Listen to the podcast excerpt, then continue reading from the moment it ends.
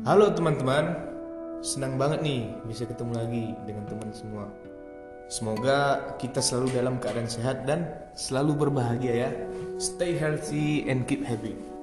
Oh iya, pada kesempatan kali ini kita akan melakukan pembahasan mengenai salah satu kasus atau berita yang baru-baru ini terjadi, sekaligus menjadi keresahan di tengah masyarakat, yaitu mengenai ber fenomena berfoto rianya beberapa oknum masyarakat di tempat kejadian meletusnya Gunung Semeru demi sebuah konten di akun pribadi mereka. Kalau begitu, tanpa berlama-lama lagi, mari kita masuk ke dalam pembahasan. Menurut kami, kami tidak setuju mengenai adanya suatu fenomena di mana beberapa oknum masyarakat memanfaatkan kejadian meletusnya Gunung Semeru untuk dijadikan sebuah konten demi tujuan dan keuntungan pribadi. Hal ini tidak mencerminkan warga Indonesia yang harusnya memiliki sikap empati dan simpati yang mana telah tertuang di dalam sila kedua Pancasila tentang kemanusiaan yang adil dan beradab. Karena seharusnya sesama masyarakat harus saling merangkul satu sama lain. Lagi pula sangatlah tidak etis jika kejadian duka seperti ini dimanfaatkan sebagai sumber konten.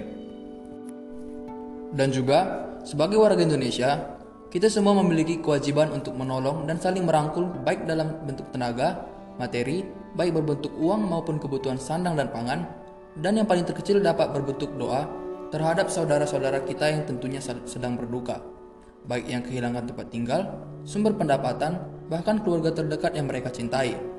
Bukan malah menunjukkan sikap yang tidak pantas dengan menunjukkan senyum yang lebar hanya demi sebuah foto di tempat kejadian yang meninggalkan duka kelam. Seharusnya kita sebagai masyarakat harus menanamkan sikap empati dan simpati terhadap sesama, agar kita juga mampu merasakan apa yang dirasakan oleh korban-korban yang sedang berduka hatinya karena bencana tersebut. Sehingga kita dapat berhati-hati dalam bertindak, karena bisa saja tindakan yang kita lakukan malah memperdalam duka mereka.